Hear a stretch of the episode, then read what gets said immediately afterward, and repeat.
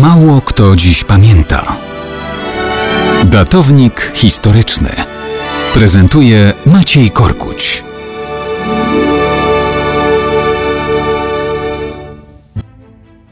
Mało kto dziś pamięta o tym, jak 29 października 1901 roku zasiadł na krześle Leon Frank Czolgosz. Nie wiem, jak z wymową jego nazwiska radzili sobie Amerykanie. Faktem jest, że jego rodzice pochodzili z Wielkopolski. To byli po prostu Paweł i Maria Czołgoszowie. Jak tysiące innych rodaków w drugiej połowie XIX wieku popłynęli za wielką wodę szukać środków do życia. Leon Czolgosz urodził się już w Ameryce.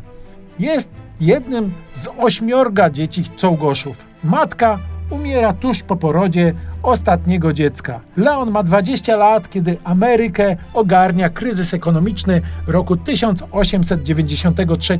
Pracuje i strajkuje, protestując przeciw czasowemu zamknięciu firmy i redukcjom załogi. Wiąże się z socjalistycznymi radykałami znanymi jako Sila Club.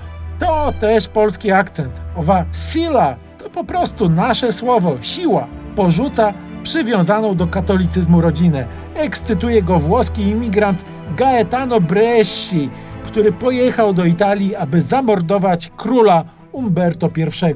Staje się Leon anarchistą. Jest pod wpływem radykalnej aktywistki Emmy Goldman.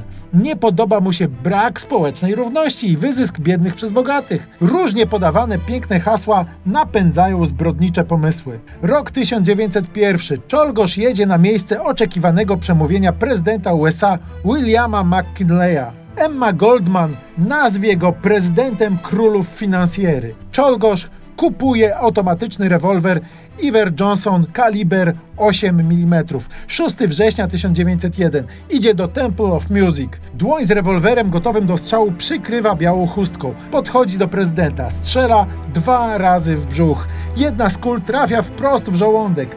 Osiem dni później prezydent McKinley umiera. Czolgosz zostaje aresztowany, osądzony i skazany na śmierć. 21 października 1901 roku zostaje posadzony na krześle, na krześle elektrycznym. Wyrok zostaje wykonany. Była zbrodnia, musi być też kara.